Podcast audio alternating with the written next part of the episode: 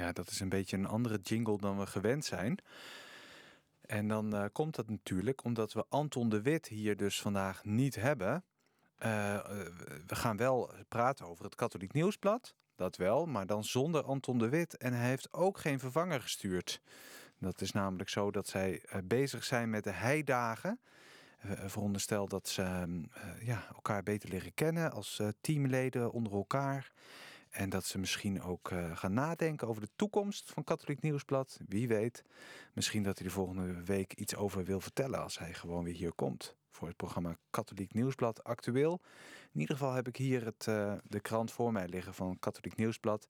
En we gaan erover in gesprek met Vincent Vibier. Die is nu nog even naar het toilet, maar die komt zo weer terug in de live studio. En uh, we hebben ook hier al inmiddels contact met Vincent Kemme. Vincent Kemme natuurlijk bekend van het programma Biofides. Morgen daarvan weer een uitzending. En ja, hij weet natuurlijk heel veel over uh, wat daar in Vlaanderen allemaal gebeurt met de kerk. Dus daar mag hij uh, straks ook iets over vertellen. En uh, ja, Vincent Vibier komt inmiddels ook weer in de studio binnenlopen. En ja, Vincent, heb jij met hem afgesproken, met Vincent Kemme, van wie, wie wanneer wat gaat vertellen? Ja, dat klopt. Oh, nou en wat, wat was dan het idee?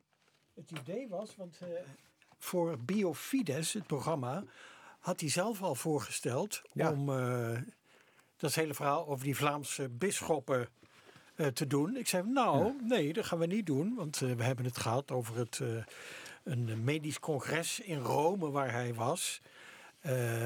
vijf dagen, dus daar had hij nogal wat over te vertellen. En toen dacht ik van, nou, misschien kan die ook hier aan tafel komen zitten, uh, via Skype dan, om over dit onderwerp uh, ja, want te we vertellen. Hebben, we hebben Homoseksuele par, uh, personen pastoraal nabij zijn, daar gaat het over. Voor een gastvrije kerk die niemand uitsluit. Ja, want daar, daar staat dan ook een uitgebreid artikel in, hè? Ja. In het Katholiek Nieuwsblad. En commentaar van de hoofdredacteur Anton de Wit. Voor de, ja, inderdaad, ongeordend vraagteken. En uh, nou, de, zullen we daar nog mee beginnen? Dan uh, nodig ik uh, Vincent Kemme uit, ook in de uitzending. Dag Vincent Kemme. Goedemiddag. Ik, oh, hij is er al, zeg. Van, ah, dat, ja, hij is er al. Ja, heb je kan snel hem, gedaan. Je kan hem En- ook zien en- zelfs. En ik ben geabonneerd op het, het Katholiek Nieuwsblad. Oké, dus die komt morgen ook eh, bij, bij jou op, op de deurmat. Ik heb al even gezien dat Anton de Wit ook over dit onderwerp geschreven heeft, maar ik weet nog niet wat, want ik, eh, jullie verrassen mij een beetje met deze Oh. invalbeurt. Oh, Ja, maar maar daar, daar kan ik wel iets over zeggen. Nou, Is dat is- een eh, idee dat ik eh, een, een soort samenvatting geef van de column van eh, Anton? En dan kun jij eh, aantekeningen maken. En nou, hij begint met een prachtig woord, ongeordend vraagtekenen. Daar gaat het natuurlijk om, hè? Weet je, zal ik het gewoon eventjes voorlezen? Dat kan ook. Ja, Ja, ja hoor, heel het goed ad idee. limina bezoek van de Belgische bisschoppen aan Rome, dat aanstaande maandag begint, belooft een beladen werkbezoekje te worden. Eerder deze week publiceerde het episcopaat van onze zuiderburen een nieuwe richtlijn, tussen aanhalingstekens, voor een gastvrije kerk die niemand uitsluit. Over de wijze waarop de kerkgemeenschap homoseksuele pastoraal nabij kan zijn. En ook stelde men voor datzelfde doel een aanspreekpunt homoseksueel, nee, homoseksualiteit en geloof in. Een aanspreekpunt. Nu kunnen pastorale nabijheid en een gastvrije kerk in zichzelf niet controversieel zijn. Maar het opvallende aan het document is dat het een concreet ontwerp voor een liturgie neerlegt. Voor de zegening van homoseksuele verbintenissen. De voorbeeldgebeden zijn, eerlijk gezegd, ja, volgens Anton dan, hè, vlees nog vis, maar toch. Dit was nou net waarvan het Vaticaan in maart 2021 onomwonden tegen de Duitse bisschoppen had gezegd dat het niet mocht. Nou ja, zo begint dat stuk dus. En eh, ja, eh, liturgie waarin je expliciet dus een homoseksuele verbintenis zegent, dat mag dus niet. En toch stellen die eh, Vlaamse bisschoppen dit eh, voor. En wat denk je dan als je dat eh, hoort, Vincent? Ja, ik wil zeggen, de ene Vincent richt zich tot de andere Vincent. Ja. Ik moet Anton de Wit eh, een heel klein beetje corrigeren.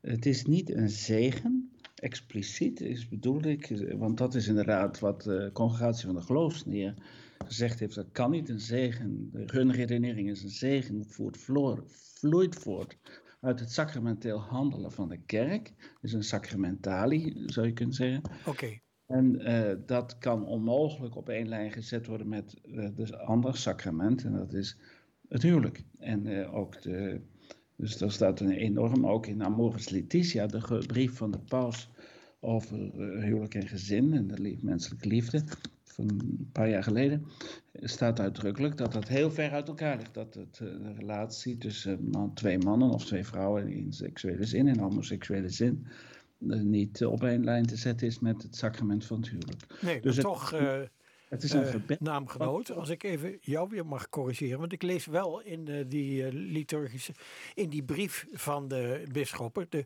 gebedsdienst sluit af met een zegenwens. Juist, dat is ongelooflijk subtiel. Dus. Dat ja, is hè?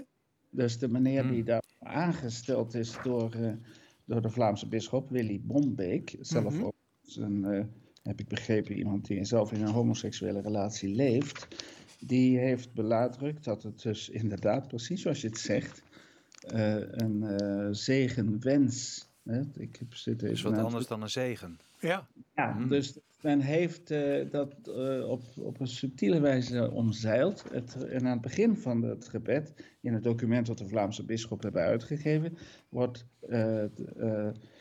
de vraag naar een gebedsmoment. Het gaat dus uh, niet om een zegen, maar uh, waarin wel om een zegen gevraagd mag worden. Ja. Dus, ja, dus dat betekent dat de kerk niet zegent, dat de, ker de kerkelijke ambtenaar of de, de, priester of de jaken of pastoraal werken, zo je wil, niet daar mag, kan zijn om te zegenen. Dus, uh, maar wel, je mag natuurlijk allemaal, iedereen mag in de kerk gaan zitten en vragen hmm. om zegen, dat is iets anders. Dus dat is een subtiel onderscheid. Het is niet zo van, dus in die zin omzeilen ze dus uh, de, de, Vlaamse bisschoppen dat wat de congregatie van de geloofsleer afgewezen heeft. Op een heel subtiele manier. Ja. Ben je het met je eens, uh, naamgenoot? Ik, ik denk dat jij het goed hebt samengevat. Oké, okay, dat is Ja. fijn. Zullen we er nog wat dieper op ingaan? Uh, dat is goed. Wil je dan nog uh, dat ik een stuk van Anton de Wit nog uh, voor, voor het zet? Ik wist niet hoe ver je was. Ik zou ja, zeggen... dat was. even kijken. Hmm. Wat je er verder ook van vindt. Mm -hmm. en hoe kerkpolitiek het ook valt, zegt Anton. Feit blijft dat de Belgische bisschoppen hiermee reageren op een reëel pastoraal dilemma dat alom gevoeld wordt. En dat zich niet laat oplossen met de zalvende dooddoener dat er nu eenmaal een onderscheid bestaat tussen leer en pastorale praktijk. Mm -hmm. Dat is in alle opzichten een valse tegenstelling. Mm -hmm. Sowieso, de leer veroordeelt niet altijd en de praktijk praat niet alles goed. Maar meer nog, leer en praktijk kunnen uiteindelijk maar één en hetzelfde doel dienen. En dat is kort gezegd mensen bij Christus brengen.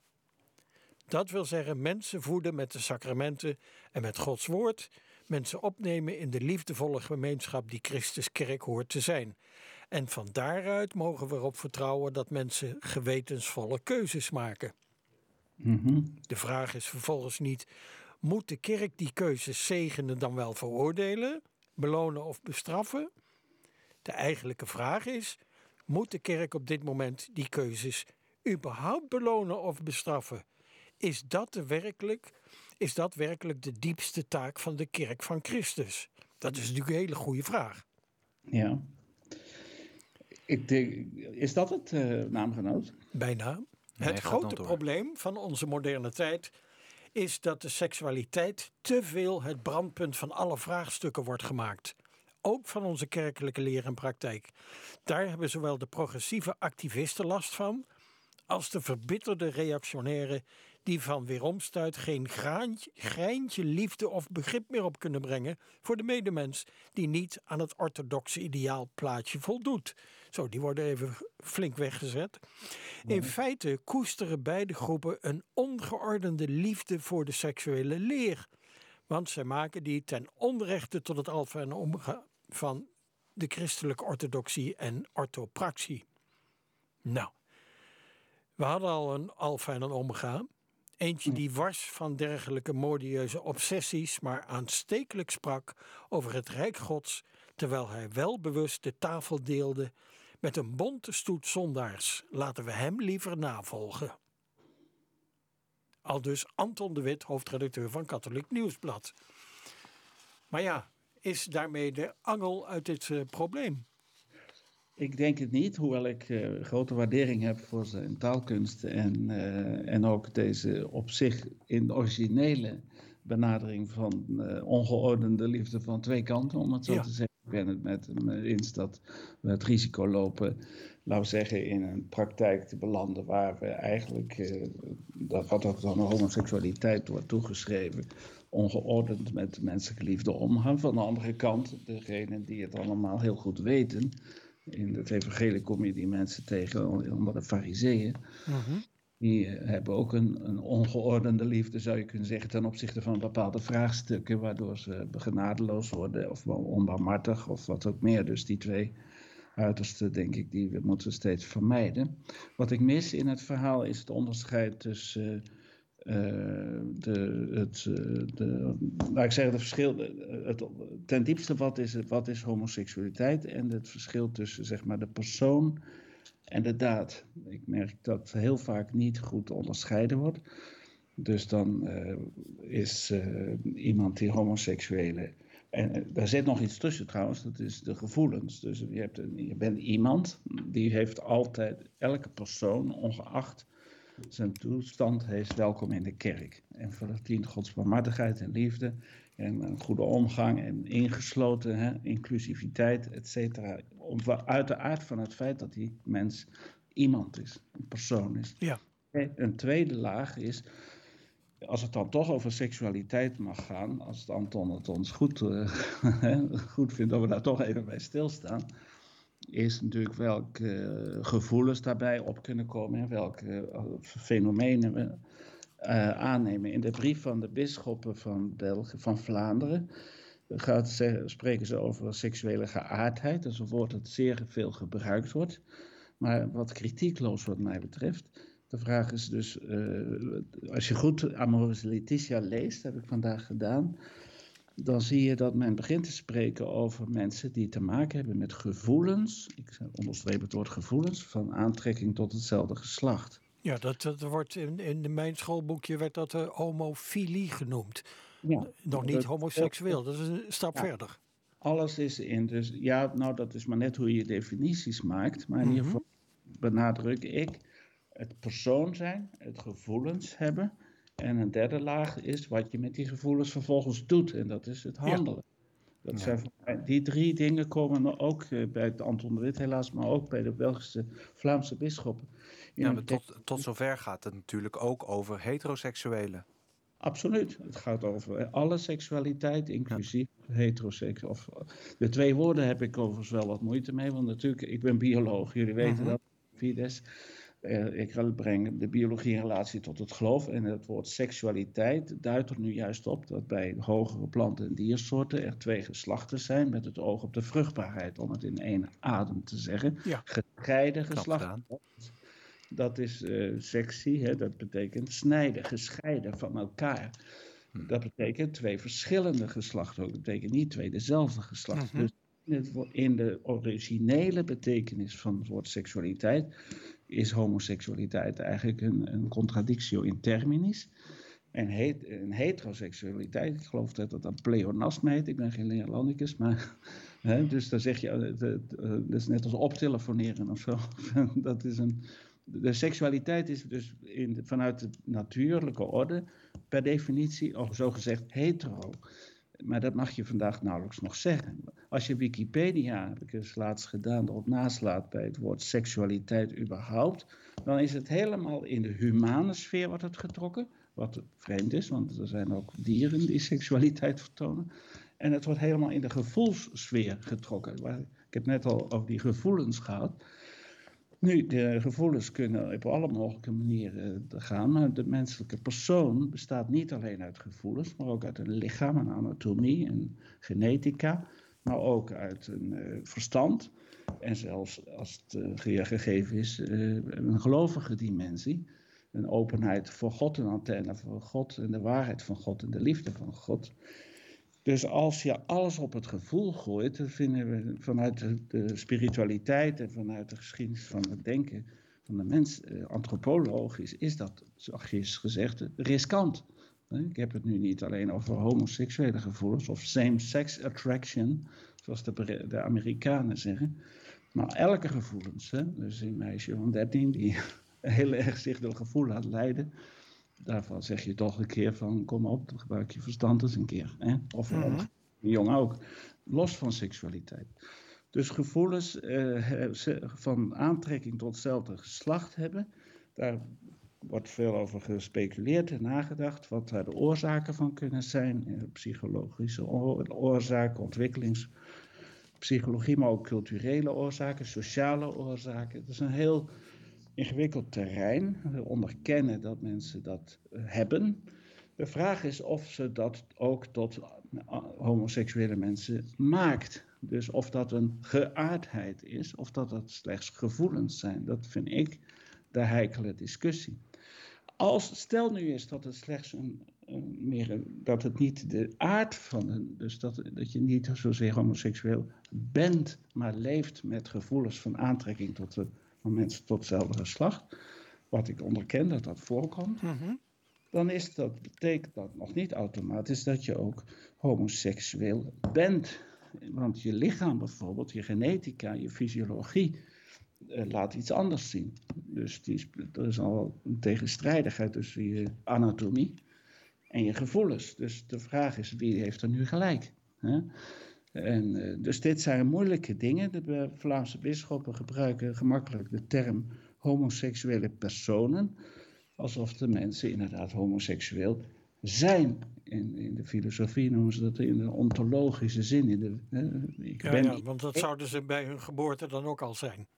Ja, voor de geboorte of na de geboorte, ja. maar in wezen. Dus het, de, de aard van het beestje. Om het, het bepaalt hun identiteit, om zo te zeggen. Nou, dat is inderdaad wat vervolgens gebeurt. Dat mensen die geloven dat ze homoseksueel zijn, of uh, dat, dat, uh, dat ze het risico lopen. Dus hun hele identiteit, hun hele ego op te hangen aan die identiteit. En aan dat gegeven, met gevolg dat ook uitermate gevoelig ligt om daar ook maar iets van te zeggen. Om dat bijvoorbeeld ter discussie te stellen, is je leven riskeren bijna, want de mensen raken, worden dan geraakt voor hun gevoel in hun hele wezen.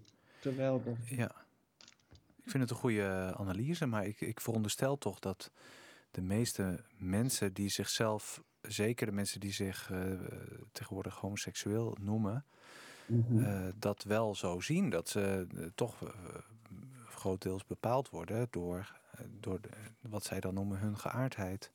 Ja, en dat is vind ik persoonlijk. En ik denk dat dat ook de on, onuitgesproken aanname is, als uh, in, in, de mainstream, zeg maar, in, ook in de media, wanneer we daarover spreken.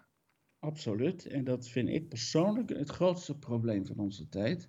Dat er dingen aangenomen worden waar bijvoorbeeld wetenschappelijk eigenlijk geen grond voor is.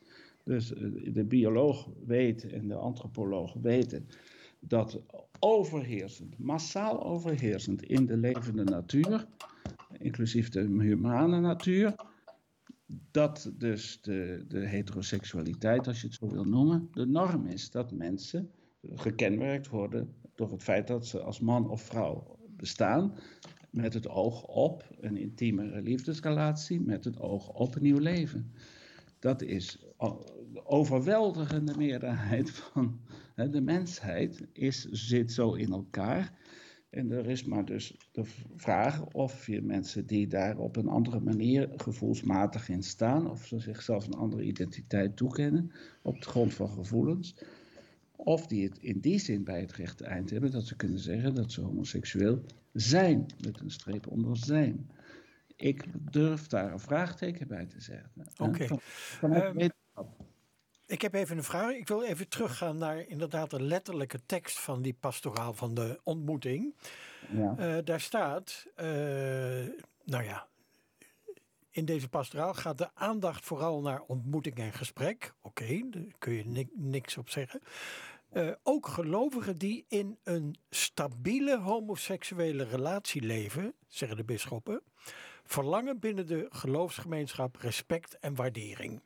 Ja. Het doet pijn wanneer ze het gevoel hebben er niet bij te horen of uitgesloten te zijn.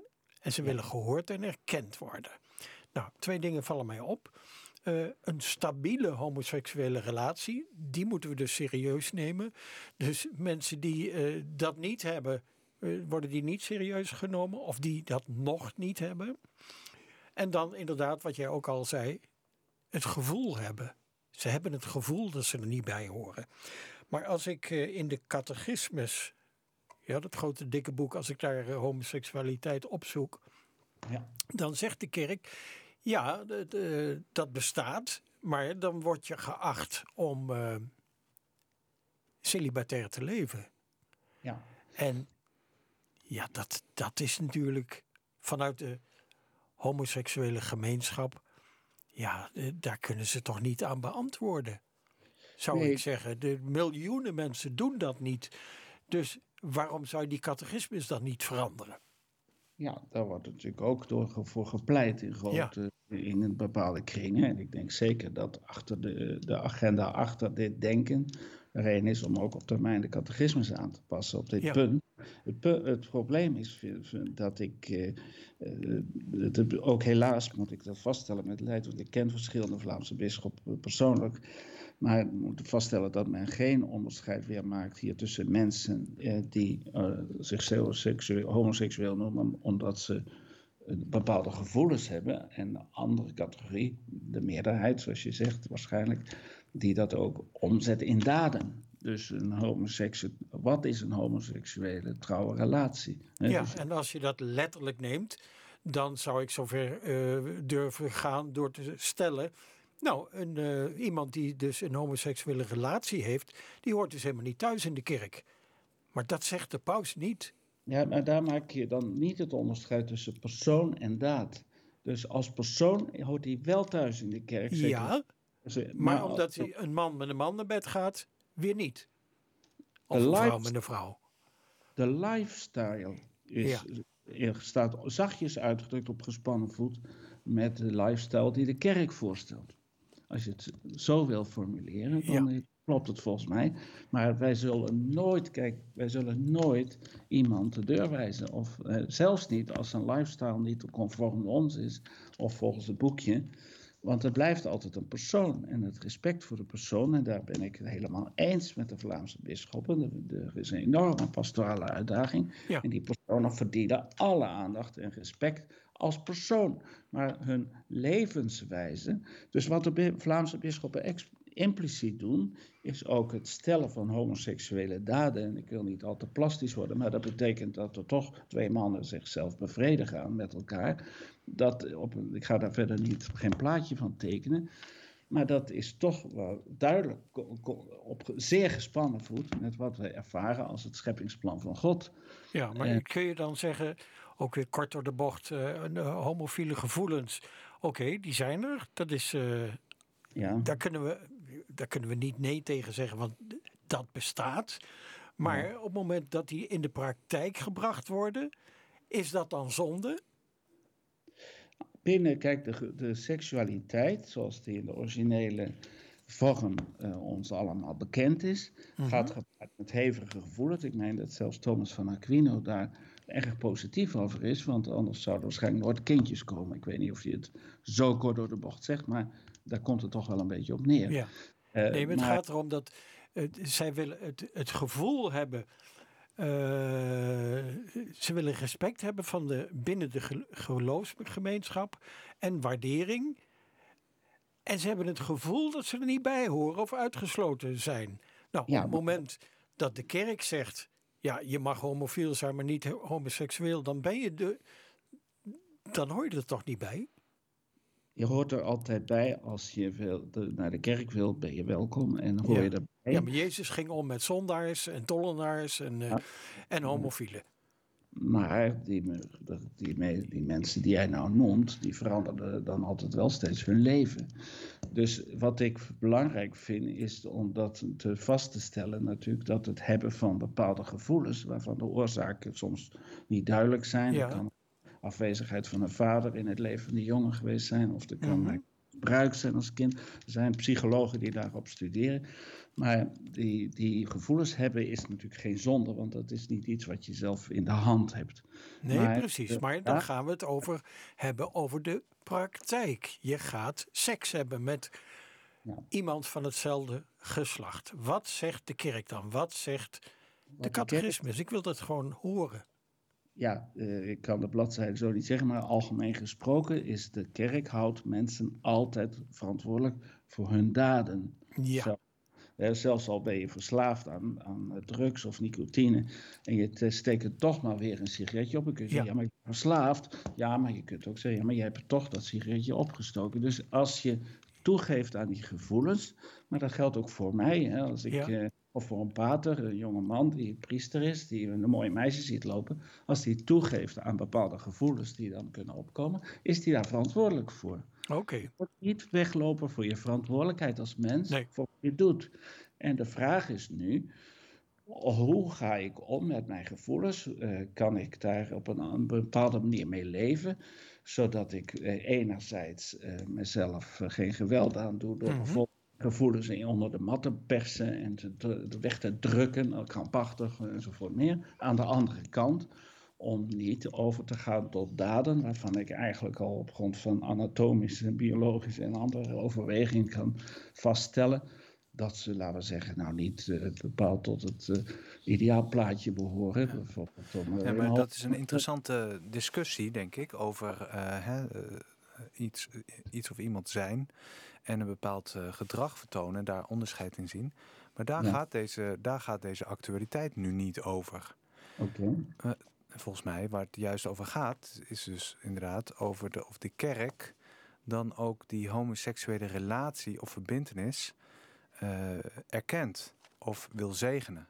Daar gaat het over. Dus bij de Vlaamse bisschoppen is er nog net geen sprake van zegenen en nog minder van erkennen. Maar zo wordt er wel, het is, dat erkennen dat is onduidelijk vind ik in de tekst. Dus als het gaat over mensen met homoseksuele gevoelens, ja, dan zegt de kerk en ik met de kerk, met de Vlaamse bisschoppen, erken die mensen zoals ze zijn, over wie ze zijn en wat ze beleven. Ja. Gaan ze ook over tot een homoseksuele praktijk en dus gaan ze zich manifesteren als een homokoppel, zoals men dat dan hier in Vlaanderen zegt. Of, en, eh, en, en daar dan ook nog een gebedsdienst omheen willen bouwen, dan ben je eigenlijk bezig met een tegenstrijdigheid want je kerk, je kerk heeft, is, eh, er is een hele theologie achter, man, vrouw, Christus en de kerk, God en zijn volk. Er is een hele visie, rijke visie van de kerk op het man en vrouw zijn. En uh, man of vrouw zijn. En de, de ultieme functie daarvan. En uh, ja, die wordt tegengesproken door een relatie waarvan je uh, zo goed met zekerheid kan aannemen dat het ook in daden wordt beleefd. Hè, om daar dan dat, dat ook te erkennen. Dus de dader de kant van de zaak. Hè? Dus gevoelens hebben, persoon zijn is kostbaar in Gods ogen. Gevoelens hebben, daar ben je niet schuldig voor, daar kun je niemand op af, afrekenen. Maar eh, daden, daar kun je altijd iemand voor verantwoordelijk houden. En als die in tegenspraak zijn met wat wij onderkennen als het plan van God. En als de kerk nou toch ergens voor staat, is het de gedachte en het plan van God te onderscheiden in het bestaan. Ja, dan krijg je natuurlijk een spanning. En dan vind ik het jammer dat de Vlaamse bisschoppen, dus die, die lifestyle, zo heb ik het dan maar net genoemd hebben, dus ja, ja. daden, uh, willen erkend zien. Dat is, uh, ja, dat is dus wat wel meer in de kerk gonst. Men wil die kant op.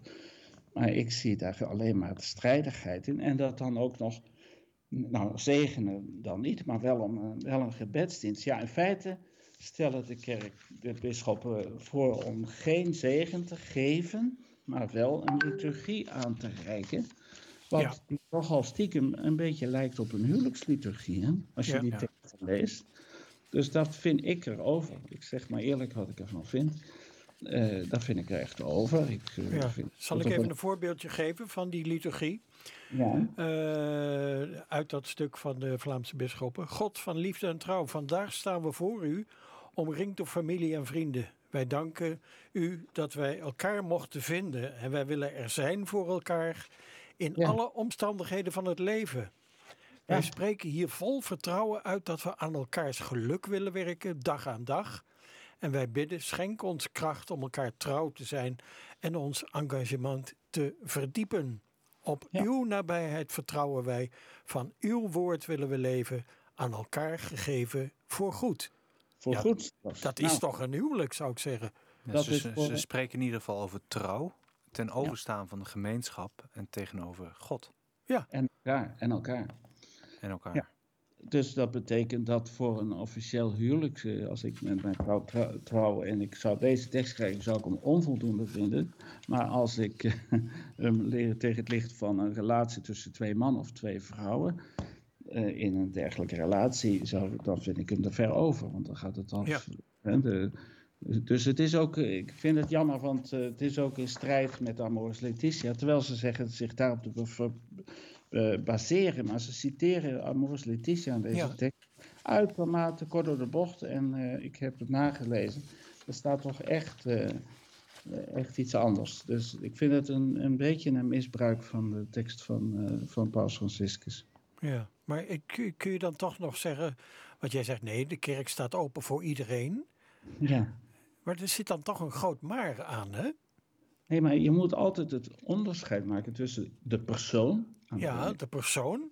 En zijn daden. Dus als jij, om maar een heel extreem voorbeeld te nemen, een, een, een seriemoordenaar bent, dan ben je als mens nog steeds, in de, met name in de biechtstoel, welkom. Ja, maar hij moet er wel mee ophouden met dat gedrag. Hij mag niet uh, weer meer mensen vermoorden.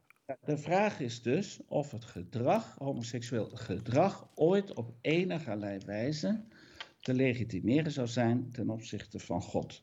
Ten opzichte van de scheppingsorde. Ja, dat is de grote vraag.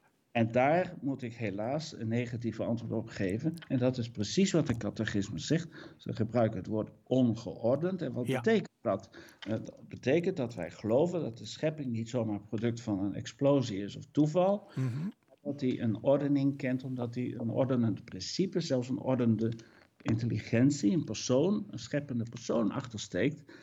En dat betekent dat als ik dus bepaalde dingen doe, dat ik wel eens tegen die ordening van de, de, de, de brain, hè, de genie achter de schepping, uh, daar, daar tegenin kan gaan. En dan zou ik er beter aan doen. Maar hetzelfde geldt voor ongezond eten. Hè?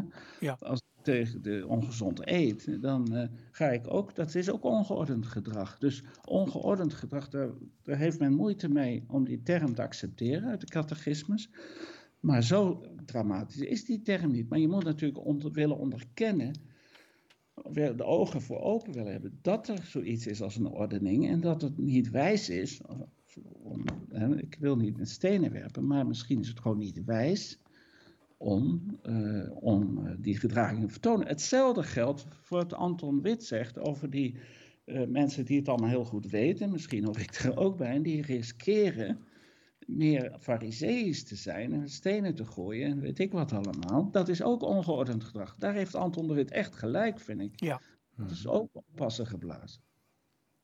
Nou, die mag Anton de Wit in zijn zak steken. Oké. ja, ik denk dat, uh, dat het een hele mooie bijdrage is van Vincent Kebbe van Biofides. Bedankt daarvoor. Ja, voor dit, voor ja dit, we zijn er uh, voorlopig nog niet over uitgepraat, nee, denk ik. Nee, dat denk ik ook niet. En we hebben nog meer artikelen natuurlijk hè, in het Katholiek Nieuwsblad. Misschien kunnen we daar nog wel even wat aandacht aan besteden, Vincent. Ja, ja lijkt me een goed plan. Ja. Nou, in ieder geval tot hier bedankt, Vincent Kemme. Graag gedaan. Wij spreken elkaar We weer. spreken elkaar snel weer. Bedankt. Fijne dag nog. Jij ook. Jullie ook. Ja, altijd helder, hè? Die eh, Vincent Kemme vanuit Vincent Kemme. Vla- Vlaanderen. Ja. Ja. En je kan het ook mooi, eh, mooi uitleggen. We, wat viel jij, jou op eh, in deze krant? Nou, ik zit op bladzijde 5 bij eh, Actueel. En Ja. een reportage over de, de oorlogskardinaal Jan de Jong. Mhm. En, En welke tijd is dat? Dat is, nou, Jan de Jong is van 1885 en die leeft tot en met eh, 1955. Ik weet eigenlijk niet wanneer hij dus, eh, ja, ongetwijfeld was hij dus kardinaal in de Tweede Wereldoorlog. Mhm. En hij is dus, ehm, eh, heeft een Yad Vashem onderscheiding gehad. Wat is dat? Ja, dat, dat krijg je niet zomaar. Dat is eh, Ja. dat je een van de rechtvaardigen bent. Zo Mhm. eh, wordt dat eh, genoemd in Israël. Dat je dus bent opgekomen voor het Joodse volk. En dat telt natuurlijk extra zwaar in een tijd dat eh, dat ook levensgevaarlijk was om dat te doen. En dan Ja. hebben we het over nou ja, de tijd vanaf 1933. Mhm, ja. Ja. Er wordt gezegd, hij zou trots zijn geweest, maar alle aandacht te veel van het goede hebben gevonden. Nou, dat is heel mooi passend natuurlijk bij een stukje bescheidenheid. Ja, en waarom viel jou dat op? Het, het viel me niet per se op. Het, het- ja, ik, eh, ik dacht wel van, ik was gewoon ook nieuwsgierig van wat dat is, Yad Vashem. Oh ja, Ik kende het nog niet, oké. dus dan heb ik weer wat geleerd. Yes. Ja, Ik, eh, ja, een heel ander onderwerp. Ik vond eh, Pinocchio vond ik in het Katholiek Nieuwsblad. ja En wel, die staat eh, heel wat verderop. Ja, waar stond dat? Even Ergens kijken. achterin, ergens op het einde. Ja, nieuwe film van eh, Disney. Walt Ja, Disney. Ja, En hoe 10. Jozef en Maria verdwenen uit Pinocchio. Dat is het eh, artikel. Ja. En het eerste wat ik dacht was, Jozef en Maria in Pinocchio, hoe zit dat dan? Ja, Ja? dat ook, ja. En gelukkig had ik op een gegeven moment heb ik dat boek gevonden met prachtige illustraties erin. Ja, ja. Eh, en dat is in 1988 opnieuw in het Nederlands hertaald. Dus heel erg bij de tijd gebracht. ja. En daar, eh, ja, op een gegeven moment komt daar een vee in voor. En Ja. die zou dus voor Maria staan. En Giuseppe, dat is ook de naam Jozef in het Italiaans. Ah, ja. En eh, op een gegeven moment wordt Pinocchio zelfs eh, opgehangen. Ja, niet aan zijn nek, maar eh, eigenlijk aan het kruis. En alle christelijke symboliek zitten in dat verhaal. Mhm. Maar daar moet je tegenwoordig niet meer mee komen, zegt Disney. Mhm. En die hebben dat er allemaal uitgehaald. Oh, zo. Vandaar hoe Jozef en Maria verdwenen uit Pinocchio. Ja. En bijvoorbeeld, eh, op een gegeven moment komt daar een duif in voor. Nou, als christen weet je, de duif staat symbool voor de Heilige Geest. Ja. Maar Disney heeft daar niks mee te maken. Dus die, die maakt er gewoon een meeuw van. Vonden ze leuker. Aha, dus de, Ja. in, deze, in dit nieuwe verhaal, dit nieuwe, de nieuwe verfilming zeg maar, van dit klassieke sprookje Pinocchio, is, eh, zijn al deze eh, theologische gevoeligheden zeg maar, eruit gelaten. Ja. Zij en is het gewoon een, gericht- een prachtig verhaal Ja. geworden. En ja, Disney die, die weet dat wel tot leven te brengen. Hè? Ja, tot via leven. hun animaties. En, eh, maar eh, je, ja, je moet wel weten waar je naar kijkt. En nou ja, op zich is dat niet zo erg. Maar als het een aanleiding is om dat boek er weer eens bij te nemen. Ja, Ja, want heb je dat boek hier? ja, dat heb ik erg. Oh, ja, hier Oh, ja. heb ik het, ja. Oké. Opnieuw vertaald en geïllustreerd. Eh, het is eh, geschreven door Carlo Collodi. En eh, Roberto Innocenti, die heeft dat geïllustreerd. Nou, echt fantastisch. Ja. En ja? Ik zie dat het boek helemaal is gekaft, ook in een soort... ja, dat doe ik altijd met boeken die van blijvende waarde zijn. ja, dat geldt deze, ja. Want ja, ik had het bij de kringloop gevonden en het zag er niet helemaal fris uit. Ja. Maar nou ja, nu blijft het in ieder geval goed. Ja, en het is, het is echt... Ja, als kind moet ik zeggen, vond ik het een beetje een eng verhaal. Oh. Dus het is niet eh, voor echt jonge kinderen. Nee. Maar eh, zo rond tien jaar of zo, dan denk ik dat je toch wel... eh, ja. ja, het is geweldig. In ieder geval in het Katholiek Nieuwsblad ook prachtige prenten. Dat komt dan uit, uit die nieuwe film. En dat is heel mooi ook gedaan. Heel mooi kleuren prints. Inderdaad, van de animatie van de Pinocchio met dat eh beestje, die, die krekel dan ook erbij. Ja, En- zelfs die krekel die had een religieuze betekenis. Hmm, Die er helemaal weg is nu. En eh, ja, op een gegeven moment eh, slaat Pinocchio met een hamer de krekel dood. mhm, Zo. Maar die komt dan later in het verhaal weer terug. mhm. En natuurlijk, het gaat om de, de, de menswording van, hè, van Pinocchio ook. Want het is een houten poppetje. En op een gegeven moment wordt het dus een mens. En wat is dan menselijk? En dat is ja, op een hele bijzondere manier wordt dat eh, verhaald. Ja, er staat eh, als einde. eh, de theologie van Disney is vager, de antropologie zoetsappiger. En daarmee haalt de filmversie de angel uit het sprookje. Collodi schreef een grootse, verontrustende sociale satire met een diep besef van de menselijke conditie en met echo's van fabels, mythen en bijbelverhalen. Bij Disney rest een alleraardigst, maar ook uiterst braaf confectiesprookje. Oké. Nou ja, Nou, mooi om over te lezen. Ja, Anton de Wit heeft dat artikel geschreven en die vindt er natuurlijk ook eh, iets van. Dus, eh, en Ja. overigens is deze film alleen te kijken op eh, de streamingdienst van Disney. Dus dat Oh, is moet- niet ja, een bios, het is geen bioscoopfilm, denk ik. nee. Ja. nee. Daar moet je ook voor betalen. Nou ja, misschien is het wel... eh, hè? Goed, wat had ik nog meer gevonden? Hebben we nog tijd? Ja, toch? We hebben nog tijd en we hebben ook een stelling. Ja. Is dat aardig om die even erbij te pakken? Op, pagina 6 stelling? hebben we een stelling. Ja, eh, we leggen als samenleving dus te veel druk op jongeren. Oh ja. Dat is de stelling. ja. En dan ja, is er natuurlijk een, eh, een online poll. Een, oftewel een online, hoe zeg je dat, een poll, een stemmen. Mensen mogen stemmen Ja. van ja of nee, eens of oneens. En, eh, en dan is er daarna ook nog een korte discussie. In dit geval over, eh, is dat een korte discussie tussen Louisa Kop. Zij is eh, beroepsmuzikus en columniste, columniste van ehm, eh, Katholiek Nieuwsblad Jong. En Frank Bosman. En hij is cultuurtheoloog en werkzaam aan de Universiteit van Tilburg. Ja, en de, de, de percentages eens, oneens. Ja, gaan we die verklappen?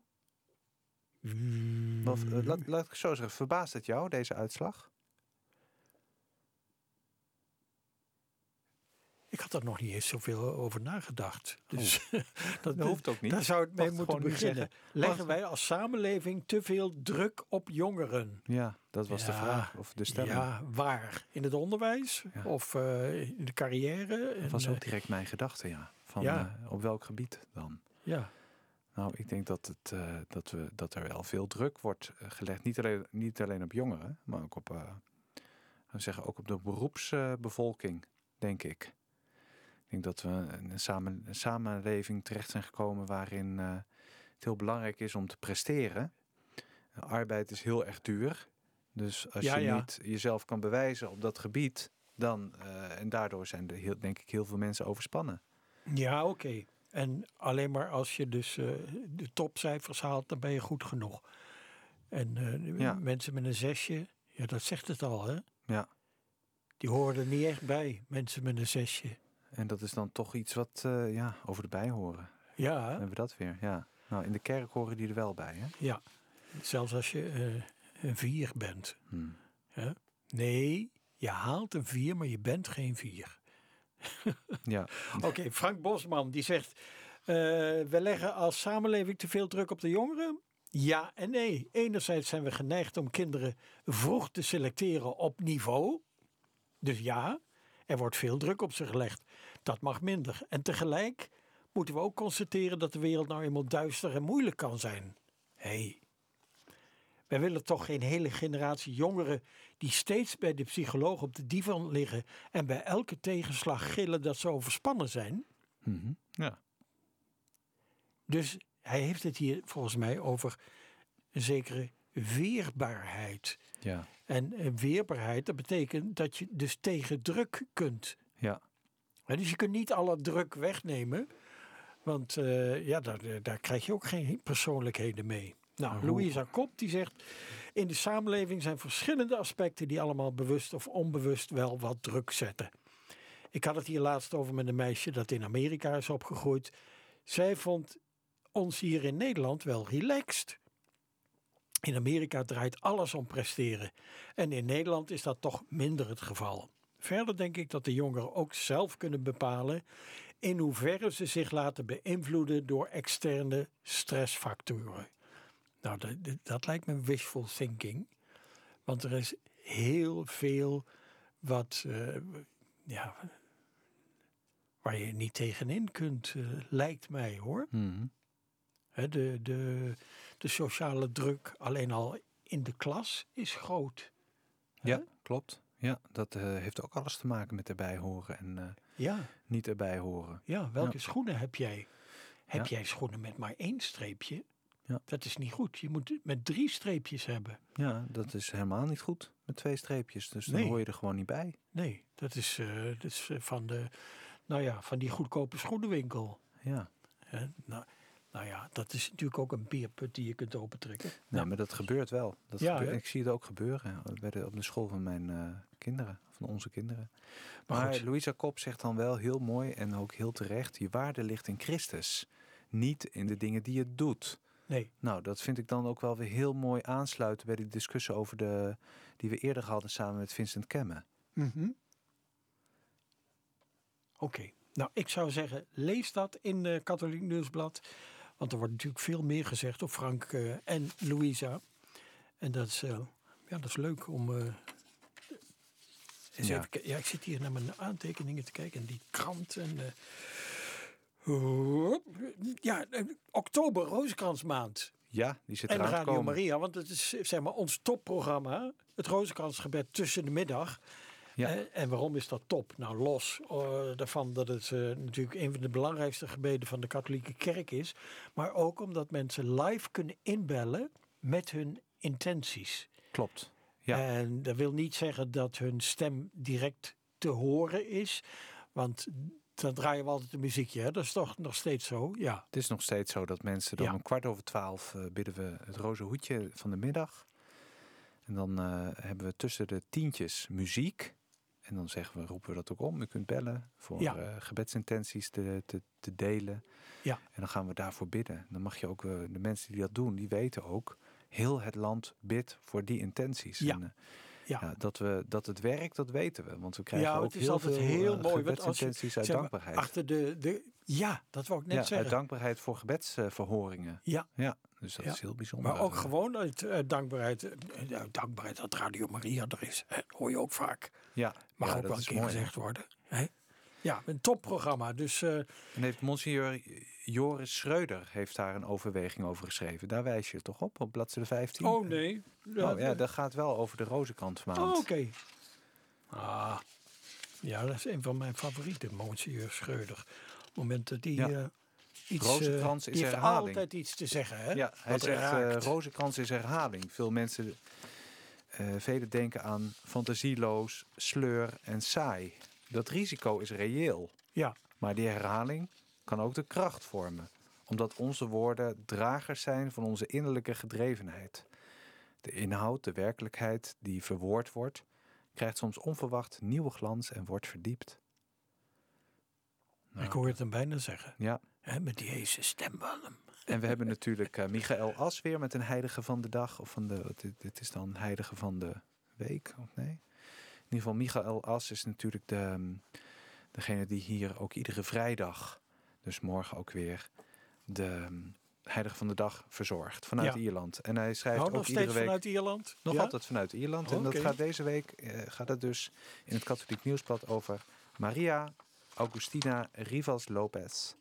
Zij werd op 7 mei 2022, dus dit jaar, als Mhm. martelares zalig verklaard. Korte beschrijving van haar leven. Oké. Ja. Overigens, we hebben een nieuwe priesterdirecteur hè, bij Radio Maria. Dat is die al geïnterviewd eh, door KN? Nog niet, volgens mij. Of wel? Dat weet ik. Ik denk het niet eigenlijk. Ik denk dat ik dat wel voor mij eh, zou hebben zien komen. Dus Ja, goede, vraag. Oproepen Ja. gaan we volgende week aan Anton de Wit ja, eh, want vertellen anders dan doen we het niet meer, Anton. nou, dat- zo vaart zal het niet lopen, denk ik. Maar, Nee. nee. nee, dit is maar een grapje. maar dat zou misschien wel heel erg aardig zijn. Ja. Ja, een mooi artikel daarover. Ja.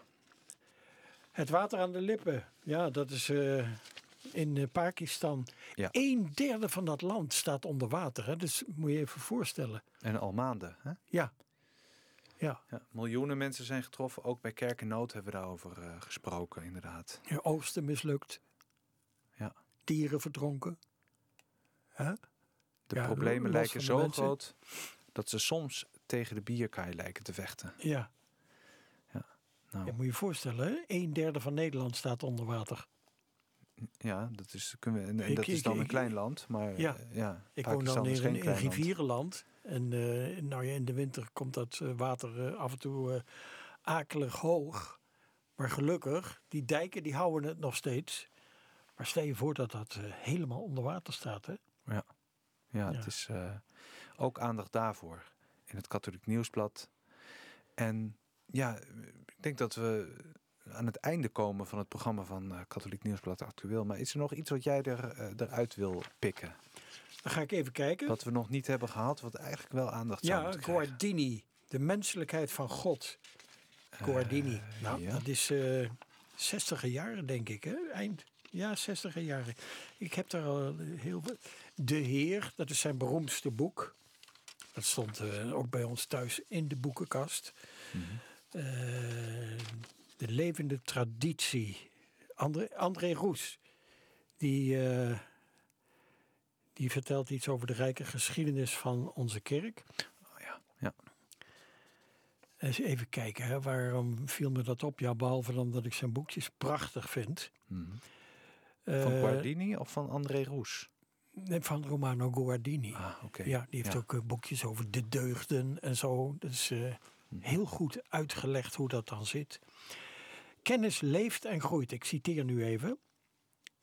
Neemt voedsel tot zich door het woord van de ouders, de leraar, de kerk en door de vele ervaringen daarbuiten. En voor Guardini gaat het bij geloof en traditie om een levend creatief proces. Om een wonderlijk gebeuren dat mensen verandert. Je moet ineens weer denken aan het gesprek met Vincent Kemme. Ja, ik ook. Ja. Ja, hè? Maar ook zegt eh, Romano Guardini van ehm, we mogen dus eh, de traditie is belangrijk, maar het mag nooit gesloten en statisch zijn. Nee. Uit zichzelf blijft hij altijd gelijk, maar telkens weer nemen zij uit nieuwe levende bouwstoffen nieuwe vorm en gestalte aan. Nou, dat zullen sommigen zeggen dat eh, Vlaanderen dat dus juist nu doet. En anderen zeggen van, dat, Dat- ze daar te ver in gaan. En wij willen alleen maar ja, beide stemmen laten horen hier bij Radio Maria. hey, ik vond het leuk dit eh, programma op deze manier te doen. Ik hoop dat de luisteraars het ook eh, kunnen waarderen. Laat het ons eh, weten. Wat is het WhatsApp-nummer. e-mail? Ja, oh, e-mail mag ook. Info at radiomaria.nl. We zijn benieuwd naar uw mening. En WhatsApp is, mag natuurlijk altijd ook. Een tekstberichtje 06 2001 9670. Oké, mijn eh, aantekeningen doe ik terzijde. En ik eh, wou je ook eh, hartstikke bedanken, Anton. En, en jij ook bedankt, Vincent. Ja. Tot de volgende keer. Applaus voor onszelf. Bedankt voor het luisteren.